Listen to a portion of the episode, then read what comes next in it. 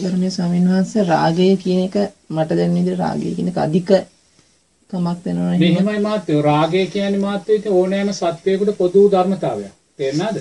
ඕනෑම සත්වයකට පොදු ධර්මතාවයක් තමයි රාගය කියන්නේ. නමුත් ඒ රාගය කියන කාරණය අපිට අයිති දෙයක් නෙමෙයි. තේරෙනවද? පස්සේ නිසා සකස් වෙන්නා වූ විඳීමට තමයි රාගය කියලා කියන්නේ. තේරෙනවද? යම් රූපයක් පස්සේ නිසා ඇති කරගන්නා වූ ඒ තෘෂ්ණාව නිසා තමයි රාගය සකස් වෙන්නේ. දැන් ඊයේ දවසේ මහත්යා තුල රාගයක් සකස් වුණා නම් දැන් ඒ රාගේ මහත්යාට අයිති නැහැ. නමුත් ඒ රාගය නිසා සකස් වුණා වූ සංස්කාරයේ මහත්යක් පිටිපස්සේ තියෙනවා.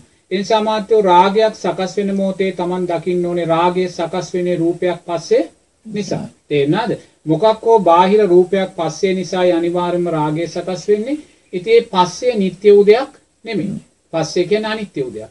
ඒ නිසා රාගහිත සකස් වෙනකොටම අපි දක්ෂ වෙන්න ඕනේ රාග අනිත්‍යයි කියලා දකින්න. ඉතින් ඒ රාගසිත අනිත්‍යයි කියලා දැක්කනම් අපි ඒක ආයිම තෘෂ්ණාවෙන් තෙත් කරන්න යන්නේ නැහැ. මොකද අපි දන්නවා ඒකට අයිති අපිට අයිති නැති දෙයක් කියලා. ඒ නිසා මාත්‍රෝ ඉතින් අතීතයේ මෙච්චර කාලයක් අපේ සිතේ රාගසිතක් සකස් වුණා නම් ඒ රාගය නිසා අපිට සංස්කාරයන් රැස් වුණා නම් ඒ රැස්ුනේ මාත්‍රෝ අපිට අයිති වූ දෙයක් නිසා නෙමෙයි. අර සකස් වුණා වූ පස්සේ නිත්‍යභාවයෙන් ගැනීම නිසාමයි. ඒ නිසා ඉතින් ඕක තමයි අපි දකින්න ඕනේ. ඕක දැකලා අපි අනිවාර්යයෙන්ම හෙට දවසේ රාගසිතක් සකස් වෙද්දී හිත දිහා හොඳින් බලන්න. තේරෙනවද? දැන් අපි නිරේතුරුවම රාගයක් සකස් වෙද්දී අපි රූපේ දිහානේ බලන්නේ නේද? දැන් අපි විශේෂයෙන්ම පිරිමි කෙනෙකුට නම් රාගයක් සකස් වෙන්නේ කාන්තා රූපයකින්. කාන්තාවකට නම් රාගයක් සකස් වෙන්නේ පිරිමි රූපයකින්. එතකොට අපි පිරිමියෙක් හැටියට අපි නිරේතුරුවම කාන්තා රූපයක් දකිද්දී අපේ රූපේ දිහා තමයි බලන්නේ නේද? රූපේ දිහා බලලා රූපේ දිහා රූපේ ලස්සන කැත උස මහත ඒ සියලු දේවල් බලනවා මිසක් අපේ හිත දිහා අපි බලන්නේ නැහැ. ඒ නිසා රූපයක් දකින මොහොතේ අපි රූපයේ දෙස නෙමෙයි අපේ හිත දිහා බලන්න අපි දක්ෂ වෙන්න අපේ හිත දිහා බලන්නේ නැතුව අපි රූපේ දිහා බැලුවොත් අනිවාර්යයෙන්ම අපි ඒ රූපයට බැඳිලා යනවා. රූපයට බැඳිලා ගිය තැන රාගය සකස් වෙනවා. ඒ නිසා රූපයේ තුලින් අපි නිරේතුරුවම දක්ෂ වෙන්න ඕන අපේ හිත දිහා බලන්න. ඉතින් එතනින් තමයි අපි මේක එහෙම නැතුව සතිය රාගයේ සකස් වෙන මොහොතේම අපි හැම වෙලාවම සතිය සී අපි තුල ඇති කරගන්න ඕනේ. ඇති කරගත්තාම අපිට පේනවා රාගය අපිට අදාළ දෙයක් නෙමෙයි. ඒක පස්සේ නිසා සකස් වෙන සිතුවිල්ලක්. ඒ නිසා පස්සේ අනිත්‍යයි පස්සේ අපිට අයිති නෑ. එහෙම දැකලා රාග සිතුවිල්ල දුරු කරගන්න අපි දක්ෂ වෙන්න ඕනේ. වෙන ඉතින් කරන්න දෙයක් නෑ. රාගයේ මනුෂ්‍ය ධර්මතාවය. ස්වාමීන් වහන්සේ එතකොට දැන් රාගය කියන එක දැන් අපිට මේ කාන්තාවන් කෙරේ සකස් වුණාට දැන් අපි ඒකට මේ උදව් වෙනවද අපි වෙන වෙන රූප වලට කෙරෙහි තියෙනා වූ කැමැත්ත? ඒ කියන්නේ අපි හිතමු සානස මම දැන් කාර් එකකට හරි වෙන මොකකටද කැමති. ඒ ඒ වගේනුත් උදව් වෙනවද කාන්තාවට තියෙන රාගය වැඩි කරන්න? ඒවා උදව් වෙන්න ඉතින් ඒවා කාමස්වාදයන්නේ. කාමයන් පිළිබඳ ඇතිවෙනා ආස්වාදයකට කියන්නේ. දැන් වාහනයක් කෙරේ, ගෙයක් කෙරේ, ඒවා කෙරේ ඇතිවෙනා වූ ආස්වාදෙ මේ ඉන්ද්‍රිය පහ පිනවීම උදෙසා සකස් වෙනා වූ ආස්වාදයට කියන්නේ කාමයන් උදෙසා සකස් කරගන්නා වූ ආස්වාදය. කාමයේ ආස්වාදය කියලා කියන්නේ. ඉතින් කාමයේ ආස්වාදය නිසා තමයි රාගය කියන කාරණේ අපි සකස් කරගන්නේ. ඒ කියන්නේ මේ ඇස පිනවන්න, මේ කන පිනවන්න, මේ නාසය, දිව, ශරීරය, මනස පිනවන්න. ඒක තමයි කාමයේ ආස්වාදය කියලා බුදුරජාණන් වහන්සේ කියන්නේ. ඇස පිනවීම උදෙසා තියෙනා වූ කැමැත්ත, චක්කු විඥානය. මනස පිනවීම උදෙසා තියෙනා වූ කැමැත්ත, මනෝ විඥානය. ඕක තමයි කාමයේ ආස්වාදය කියන්නේ. ඉතින් කාමයේ ආස්වාදය සකස් කර ගැනීමෙදි තමයි රාගය කියන කාරණේ අපි සකස් කරගන්නේ. ඔව්. එතකොට අරගෙන උදව්වක් තියෙනවා නේ සාරා. ඔය ඉතින් ඒවා ඒවෙන් ඒවට එක එක බැඳිලා බැඳිලා. ඒ රූපයන් හරහා ඒවා බැඳිලා තියෙන්නේ.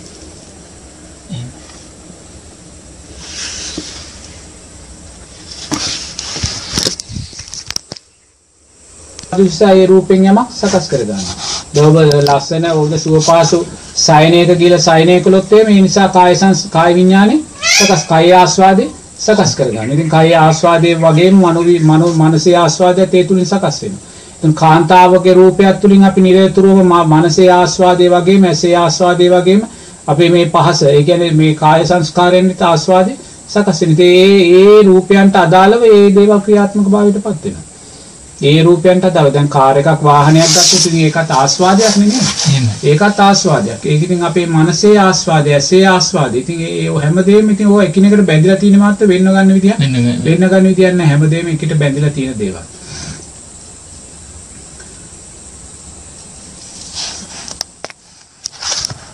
දැන් කියන සුරාමේරී කියන එක ස්වාමීන් වහන්සේ දැන් කරන දෙයත් එක ගොඩාක් දැන් බද්ධ වෙලා තියෙනවා. රැකියාවේ දැන් දේත් එක. ඉතින් එහෙම වුණොත් ඒකට ස්වාමීන් වහන්සේ දැන් අපි ඒගොල්ලන්ට ඒ දේවල් වලට මේ දේ කරගන්න ඒගොල්ලෝ දේ බලාපොරොත්තු වෙනවා. ඒතර අපිට ඒ දේ මේ අපි තුන් දෙන්න ඕනේ. එහෙම නැත්නම් ඒගොල්ලෝ එකතු එකතු වෙලා ඒ දේට සම්බන්ධ වීම තුල දැන් ඉන්න මිදෙන්නත් ඕනේ. නමුත් අපිට ආයතනයේ පැවැත්මත් එක්ක අපේ ජීවිතයේ දේකට එමු වුණොත් ඒක කොහොමද ගලපත් කට්ටියත් ඒ පැවතීම සඳහා පොඩ්ඩක් ගන්න ඕනේ කියන කාරණේ ඒක ධර්මයේ ධර්මයේ සඳහන් වෙන්නේ නැහැ. තේරුණාද? ඉතින් අපි ඒ වෙලේ දක- දකින්න ඕනේ ඉතින් අ, බුදුරජාණන් වහන්සේද ලොකු යාළුවාද ලොකුයි කියන කාරණේ නේද? සීලයද ලොකු යාළුවාද ලොකුයි කියන කාරණේ. තේරුණාද? අපි යම් දවසක මිය පරලව යන වෙලාවට අපිට යාළුවාද අපේ මේ මේ පිහිටට එන්නේ නැත්නම් සීලයද අපේ පිහිටට එන්නේ බුදුරජාණන් වහන්සේද අපේ පිහිටට එන්නේ කියන කාරණේ අපි දකින්න ඕනේ. ඒ නිසා දැකලා මාත්‍රෝ ඒක තම තමන් තනි තනියම තීරණය කරන්න ඕනේ. තේරුණාද? ඒ නිසා බොන සමාජය අපිට නිවැරදි කරන්න බැහැ. ඒක අපිට නිවැරදි කරන්න බෑ. මොකද සමාජය තුල ඒවාට වැඩෙන දිශාවටම තමයි ඒවා ගමන් කරන්නේ. ඒ නිසා ඒවා නම් තම තමන් කල්යාණ මිත්‍ර භාවයෙන් තමන්ට පුළුවන් නම් කෙනෙක් ඒකේ මුදවා ගන්න ඒ කටයුත්ත සිද්ධ කරන්න. ඉතින් සිද්ධ කරන්නේ නැතුව ඉතින් ඒවාට නොගැටි ඒවාට මුණ දෙන්න. ඒවට ගැටෙන්න යන්න එපා. තේරෙනවද ඉතින් දැන් ඔබලාගේ එහෙම දෙයකට කවුරු හරි සල්ලි එක්කව කරනවා නම් අපිට දෙන්න කියලා ඉතින් ඔබට සල්ලි දෙන්න වෙනවා. දීලා ඔබ ඒවට සම්බන්ධ වෙන්න යන්න එපා. මොකද ආයතනයේ සමගිය අපේ තියෙන්න එපා නේද ඉතින් එවැනි දෙලාගේ එවැනි දෙයකට ඒ සල්ලි දුන්න දෙන්න වෙලාවට ඔබ බෑ මම මේ කරන්නේ නැහැ කියලා එතන ගැටීම් ඇති කරගන්න ඕනේ නැහැ. ඒක දීලා ඉතින් ඒකේ ආදීනමේ පක්ෂය කියලා දෙලා මට නම් සම්බන්ධ වෙන්න බෑ කියලා තමන්ගේ අයින් වීම තමන් දක්ෂ වෙන්න. ඒක ඉතින් අපේ ගැළවීම තමයි. එවැනි දක්ෂභාවයක් නැත්තේ සද්ධාවේ දුර්වලතාවය නිසා. සද්ධාව දුර්වල කෙනා කොතනක හෝ කවුරු අහිමුණ අහිමුණායි සද්ධාව ශක්තිමත් කෙනා මොනවා අහිමුණා කියනවත් එයාට කාරණේ අදාළ නෑ බුදුරජාණන් වහන්සේ සරණ තුල ඉන්න. මොකද එයාට ලෝකෙම අහිමුණත් එයාට බයක් සකස් වෙන්නේ නැහැ. එයා බුදුරජාණන් වහන්සේ සරණ පිහිටලා තියෙනවා. ඒතකොට සද්ධාව සකස් කරගත්තේ නැති කෙනා තුල බුදුරජාණන් වහන්සේ කෙරේ සරණ නැහැ. ඒ නිසා එයා හැමෝටම බයයි. තේරෙනවද? බයයි කියන්නේ අරයා කිව්වොත් බොමු කියලා එයා බොනවා. අරයා කිව්වොත් අරයට ගහන්න යමු කියලා එයා ගහන්න යනවා. මොකද අනුන්ගේ පිහිටක් මත තමයි එයා යැපෙන්නේ. තේරෙනවද? මොනවාට එයා සරණක් පිහිටලා ඉතින් බුදුරජාණන් වහන්සේ කෙරේ ධර්ම රත්නය කෙරේ සංඝ රත්නය කෙරේ සරණක් පිහිටව ගත්ත කෙනා ඔය ආයිමත් ඕවට මේවට බය වෙන්න අවශ්‍යතාවයක් නැහැ. ඉතින් ඒක දෙක ශ්‍රද්ධාවේ අඩුකම තමයි. ඒක බය වෙන්න අවශ්‍යතාවයක් නැහැ. ඉතින් ඒ තමා බුදුරජාණන් වහන්සේගේ නාමයෙන් ධර්මයේ නාමයෙන් තමන් තමන්ගේ කටයුතු සිදුව ඉන්නවා. අව ඒ නිසා ලෝකයා කියන දේ අපිට අහන්න අවශ්‍යතාවයක් නැහැ. තමන් නිවැරදි නම්. ඒ ඉතින් ඒක තමයි බුදුරජාණන් වහන්සේගේ සරණ කියන්නේ. ඒ බුදුරජාණන් වහන්සේගේ සරණ පිහිටපු කෙනා ලෝකයාට බියක් දක්වන්න යන්නේ නැහැ. එයා ධර්මයට හිස නවනවා අධර්මයට හිස නවන්න යන්නේ නැහැ. නමුත් අධර්මය වෙනස් කරන්න යන්නේ නැහැ. ඉතින් අධර්මය අධර්මයේ ස්වභාවයෙන් තියෙන දේ එයා ධර්මයේ ස්වභාවයෙන් තමන්ගේ ස්වභාවයෙන් ඉන්නවා. ඉතින් එහෙම ඒවා ගල්ප ගන්න ඕනේ මහත්තයා. ඉතින් අපිට මේ කන්තෝරු ජීවිතේදී අපිට ඔයෙන් පලා යන්න බෑනේ කණ්ඩායමක් ඇටි ඉන්නත් එපා නේද? ඉතින් අපි දක්ෂ වෙන්න ඕනේ මහත්තයා උපක්‍රමශීලීව ඒවා මේ මේවා කරගන්න. එහෙම නැත්නම් ඒවයි ප්‍රශ්න ඇති වුණාට පස්සේ කණ්ඩායම තුලින් අපිව කැපෙන ස්වභාවයට පත් වෙන ඊට එතන පැවැත්මක් නැහැ. ඒ නිසා ඒවත් අපි කල්පනා කරලා හැම වෙලාවෙම උපක්‍රමශීලීව ප්‍රශ්නවලට මුහුණ දෙන්න දක්ෂ වෙන්න ඕනේ. සවන්න සමහරක් අයිට ඉන්නවා මේ එයාලා මේ මේ මේ ගොඩක් ගන්න මේ පොඩ්ඩයි ගන්න කියලා ඉතා සුළු ප්‍රමාණයක් ගන්නවා ඒක අර ලොකු ඉෆෙක්ට් එකක් වෙන්නේ නැහැ කියලා ඔව්. මේ එයාලා හැමදාමත් බොනවා. හැමදාමත් බොනවා එතකොට එතනදී අර විශේෂ දෙයක් දකින්නෙත් නැහැ නමුත් ලොකු දෙයක් මම කරන්නේ නැහැ මෙතන පොඩ්ඩක් ගත්තර ලොකු ප්‍රශ්නයක් නැහැ කියන අ, තර්කේ ඉන්නවා කට්ටියක් එතකොට එහෙම එහෙම තර්කයක් බුදුරජාණන් වහන්සේ අපිට දේශනා කරන්නේ නැහැ.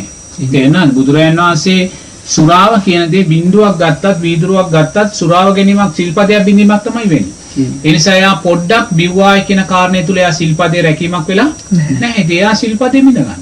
සිල්පදේ බිඳීමට අදාළව අකුසලේ එයා තුල සිද්ධ වෙනවා. තේරෙනවද? ඒක ඉතින් කොයි ආකාරයෙන් විපාකෙටද කියන්න බෑ.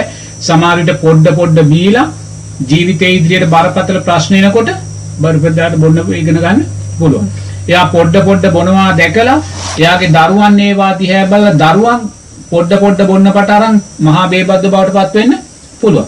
ඒ නිසා ඒවා කොයි ආකාරයෙන් විපාක දෙයිද කියන දන්නේ නැහැ මාත්‍ර. තේරෙනවද? ඉතින් කොහොමත් එක වීදුරුවක් බිව්වත් මේ මේ වීදුරු කාලා බිව්වත් ප්‍රාණග මේ ඊට අදාළ සිල්පදේ කැඩෙනවා. සුරාමේරේ සිල්පදේ කැඩෙනවා. සාමාන්‍ය ජීවිතේ දැන් අපි මිනිස්සුත් එක්ක ඉන්නකොට ගොඩාක් විහිළු කරගෙන ඒ දේවල් කරන නමුත් ඒකේ ආදීනව දැන් කියනෝනේ සම්ප්‍රප්පලාප ඒ දෙයින් ඒ මොහොත සතුට වෙනවා මිසක් නමුත් ඒක අවසාන දෙයක් නැහැ කියලා. නමුත් ඇත්තටම බැලුවොත් දැන් මම ඉතින් ගොඩක් සමාජයේ හැත්ත ගොඩක් විහිළු කරන නමුත් මම අලුත් තැනට ගියාට පස්සේ දැන් මම පොඩ්ඩක් ඒ දේෙන් අර විහිළු කරන ගතියෙන් දැන් ටෙලිකොම් එකේ නෙමෙයිද? ටෙලිකොම් එකේ නමුත් මම ප්‍රොමෝෂන් එකක් කරන්න දැන් මර දාන්න ගියා මම නුගේ ගුණ්ඩා ඉතින් මම ඒකත් එක්ක දැන් එතන මම ගත කරන්නේ අමුතුම දැන් මාස දෙකක් ඉඳන් අර ඉතින් මිනිස්සු කට්ටිය කතා වෙන විදිහට ඒගොල්ලන් අර කියන කරන දේ ඇත්ත මම එතන හිටියේ කෙනෙක්. දැන් මම ඉතින් මම දේවල් අඩු කරගෙන ඉන්න දැන් පෙලක් අය කියන දැන් චමීර ඉස්සර වගේ විහිළු කරන්නේ මම ඒ දේවල්. ඉතින් ස්වාමීන් වහන්සේ ඒවා ප්‍රමෝෂන් එකක් හම්බුණා ඉතින් ඒ දේවල් එක්ක ස්වාමීන් වහන්සේ එතකොට ඒ දේවල් ඉතින් අර විහිළු කරගෙන එතන කට්ටියත් එක්ක මම ගොඩාක් රැඳිලා හිටියා. නමුත් මම ඇත්තට මගෙන් වෙන වැරදි මම පොඩ පොඩ හදාගන්න ස්වාමීන් වහන්සේ ඉතින් උපරිම මේවා කරනවා ගැටෙන්නේ නැතුව. දැන් මේගොල්ලොත් කියනවා මේ දේවල් හිතන්න ගියොත් තවත් ගැටෙනවා ඒකන්ද ටික ටික අවබෝධයෙන්ම අත්හරින්න ගියත්. ඉතින් ඒකත් එක්ක ස්වාමීන් වහන්සේ ඒ කියන්නේ විහිළු ඒ දේ කරගෙන ඒවා ඒතර අයත් වෙන සම්ප්‍රප්පලාප ගණේට ස්වාමීන් වහන්සේ. එහේ එතකොට ඒ දේවල් කොහොමද ඉතින් පුතේ සම්පප්පලාපද මිත්‍ය මොය මුස්සාවාදා පිසුනා වාචා පරුසා වාචා සම්පප්පලාපා කියන්නේ මේ ආජීවට්ටමක සීලයට අදාළව සිල්පද නේද? ඉතින් ඒවා බින්දෙනවා කියන කාරණේ ඉතින් අකුසලයක්. සම්මා වාචාවෙන් අපි බැහැර වෙනවා. නේද? ඉතින් සම්මා වාචාවෙන් බැහැර වෙන්න අපි සම්මා වාචාව තුලට යනවනම් තේරෙනවද? නිරේතුරුවම මහත්වෝ අපි ධර්මයෙන් ඈතට යනවා. ධර්මයෙන් ඈතට යනවා කියන්නේ අපි විහිළු කරන්න, තහළු කරන්න, ඒවාට යොමු වෙනවා කියන කණ්ඩායම් ඇසුරට යොමු වෙන්න තියෙන කැමැත්ත වැඩි. ඒ කියන්නේ තෘෂ්ණාව වැඩි. තේරෙනවද? ඉතින් බුදුරජාණන් වහන්සේ ඒවා දේශනා කරන්න ඒවා එපා කියලා එවැනි කණ්ඩායම් ඇසුර වැඩි වෙන්න වැඩි වෙන්න ඒ විහිළු තහළු වැඩි වෙන්න වැඩි වෙන්න ඊට අදාළ වූ ධර්මතාවයන්ගේ වැඩිම වැඩි වෙනවා. තේරෙනවද? ඉතින් තැනකට ගිහිල්ලා විහිළු කරලා තහළු කරලා hina වෙලා ඕවන් තමයි කියන්නේ එහෙනම් අපි හෙට අරක්කු ටිකක් බොමු කියලා. නේද? එහෙම නැත්නම් වෙනයම් සිල්පදයක් බිඳිමු කියලා. ඒ නිසා අරවාගේ අරවැයෙන් බුදුරජාණන් වහන්සේ නතර කරන්නේ මුල් තැනදිම බරපතල වූ සිල්පද බිඳීම් වලට යෑම වැළකෙනවා. තේරෙනවද? ඉතින් මේ වැළකෙනවා වගේම අපිට ආරෂ්ඨාංගික මාර්ගයේ සම්මා වාචා කියන මාර්ගාංගය වැඩෙනවා. තේරෙන? ඉතින් ඒ නිසා මාත්‍ය බුදුරජාණන් වහන්සේ ඒවා එපා කියලා තියනවා නම් මොකක් වූ හේතුවක් මතයි එපා කියලා තියෙන්නේ. තේරෙන? ඒ නිසා ඉතින් ඒකෙන් අදහස් වෙන්නේ නැහැ Taman සමග ඉන්න සේවක මහත්තුරුන් සමග hina වෙන්න එපා, කතා වෙන්න එපා, පුංචි විහිළුවක්වත් කරන්න එපා කියන කාරණේ අදහස් වෙන්නේ නැහැ. නමුත් ඉන් එහාට දේවල් වලට යන්න අවශ්‍යතාවයක් නැහැ. තේරෙනවද? ඉතින් එහෙම නැතුව මේ hina වෙන්න එපා, කතා වෙන්න එපා, මොකක් හරි පොඩි විහිළුවක් කරන්න එපා කියන කාරණේ ධර්මයත් එක්ක මේකක් නැහැ. ඉන් එහාට ඒවා ඇදිලා යන්න එපා. ඉන් එහාට ඒවා ගියොත් ඒවා ඊට වඩා බරපතල සිල්පද බිඳීම් වලට අපිව ඉස්සරහට අරන් යන්න පුළුවන්. ඒ නිසා තමයි බුදුරජාණන් වහන්සේම කියන්නේ. ඒ නිසා ඒ ආකාරයෙන් සතුරු සාමිචිය යෙදෙනවා කියන ස්වාමීන් වහන්සේලාත් ඒක කරනවා නේද? සතුරු සාමිචිය මුණ ගැහුණ වෙලාවට එයාගේ තොරතුරු කතා කරලා. ඉතින් ඒ කාරණේ ඉතින් ස්වාමීන් වහන්සේලාට පොදු ධර්මතාවයක්. ඉතින් ඒ නිසා ඒවා කරන්න සීමාව ඉක්මවලා කරන්න යන්න ඕනේ. නැහැ. ඇත්ත ඇත්ත. ස්වාමීන්සක තේරෙන මොකද කල්යාණ මිත්‍රභාවයේ නැතිකම නිසා සිද්ධ වෙච්ච දේවල් තියෙනවා ඇත්තටම. දැන් තමයි ඉතින් ඇත්තටම මේගොල්ලෝ ඒක මේ තියෙන හරි ගිහින් තියෙන්නේ ඒකත් එක්කම හරි. නෑ ඉතින් කල්යාණ මිත්‍රාශ්‍රය නැත්තම් ඒව තව තව දුරදි යනවා. තේරෙනවද දැන් තැනකට කෙනෙක් ගියාම ඉතින් ඉස්සෙල්ලාම එයා කවුරුත් අඳුරන්නේ නැහැ ඉතින් ඕන දෙවෙනි දවසේ පොඩ්ඩක් කතා වෙනවා ඔහොම කරනවා විහිළු කරනවා තහළු කරනවා ඔහොම කරනවා උන් ඊට පස්සේ තමයි බරපතල සිල්පද විදීන් වලට යන්නේ තේරෙන ඉතින් ඒ නිසා පුංචි තැනකදීම බුදුරජාණන් වහන්සේ කියන සීමාවක් ඇතුවේ පුංචි දේ කරන්න කියලා සීමාවක් ඇතුව පුංචි දේ කළාට පස්සේ බරපතල දේවල් වලට යන්න තියෙන අවස්ථා අපෙන් වැළකෙනවා. ඒක වැළකෙනවා වගේම එතන අපි ධර්මානුකූලව හිතන නිසා අපි තුල සම්මාදිට්ඨිය සම්මා වාචාම වැඩෙනවා. ඉතින් ධර්මයක් එතන වැඩිනවා. ඉතින් ඒක තමයි ඉතින් එතකොට අපි රැකියාව තුලනුත් අපි ධර්මයක් වඩා ගන්න කෙනෙක් බවටයි පත් වෙන්නේ. ඉතින් ඒකේ ආකාරයෙන් අපි දකින්න ඕනේ. සමාජයේ ඉතින් හැම කෙනා මේ විදිහට හිතන්නේ නැහැ. ඉතින් එහෙම නොහිතන සමාජයත් එක්ක අපි නොගැටි ඉන්න දක්ෂ වෙන්න. නොගැටි ඉන්නකොට මෙතන තුල අපි ආයිමත් ධර්මය වඩා ගන්නවා. එතන දැන් අපි අපි හිතමු සෝවාන් වෙච්ච කෙනෙක් ඉන්නවා විවාහ නැහැ. ඒ ඇකිනාතින් සිදුවන කාමය හරව වැටවීම ඒ පවක් වෙනවද එතකොට? නෑ සෝවාන් වෙච්ච කෙනාටින් කාමයේ වර්ධව හැසිරීම සිද්ධ වෙන්න බෑ මහත්තයෝ. මොකද එයා සීලයෙන් පරිපූර්ණයි. සීලයෙන් පරිපූර්ණ කෙනා සීලය ආර සීලයක් හැටියට වඩන කෙනෙක්. නමුත් සෝවාන් වෙච්ච කෙනාටින් සිල්පදයක් බින්දෙන්නේ නැහැ කියලා අපිට කියන්න බෑ. තේරෙනවද? සිල්පදයක් බින්දෙන්න පුළුවන්. නමුත් ඒවා මාත්‍ර බරපතල ආකාරයෙන් දිගින් දිගට යන සීල්පද බින්දීම් නෙමෙයි මොකද එයා තුල පංච උපාදානස්කන්ධය අනිත්‍යභාවය දැකලා තියෙන්නේ සීලය ආර සීලයක් ඇතුළේ වැඩිලා තියෙන්නේ සද්ධාව ආර්ය සද්ධාවක් ඇතුළේ වැඩිලා තියෙන්නේ ඒ නිසා ඒ සකස් වෙන්නා වූ මොනවා හරි පොඩි සීල්පද බින්දීමක් වුණොත් ඒ මොහොතේ මෙයා නිවැරදි කරගන්න ස්වභාවයෙන් තමයි එයා ඉන්නේ නැතු මෙහා ඉන්න කෙනෙක් වගේ සෝවාන් මාර්ගයේ ඉන්න කෙනෙක් වගේ මාත්තු එයා සිල්පද බිඳිමින් තව තව ආස්වාදයන් සොමින් යන ස්වභාවයකට එයා කවදාකවත් පත් වෙන්නේ නැහැ. නමුත් සිල්පදයක් බිඳෙන්නේ නැහැ කියලා අපිට කොහොමත් කියන්න බෑ. මොකද එයා කාමරාග පටිගයන් තුල ඉන්නවා.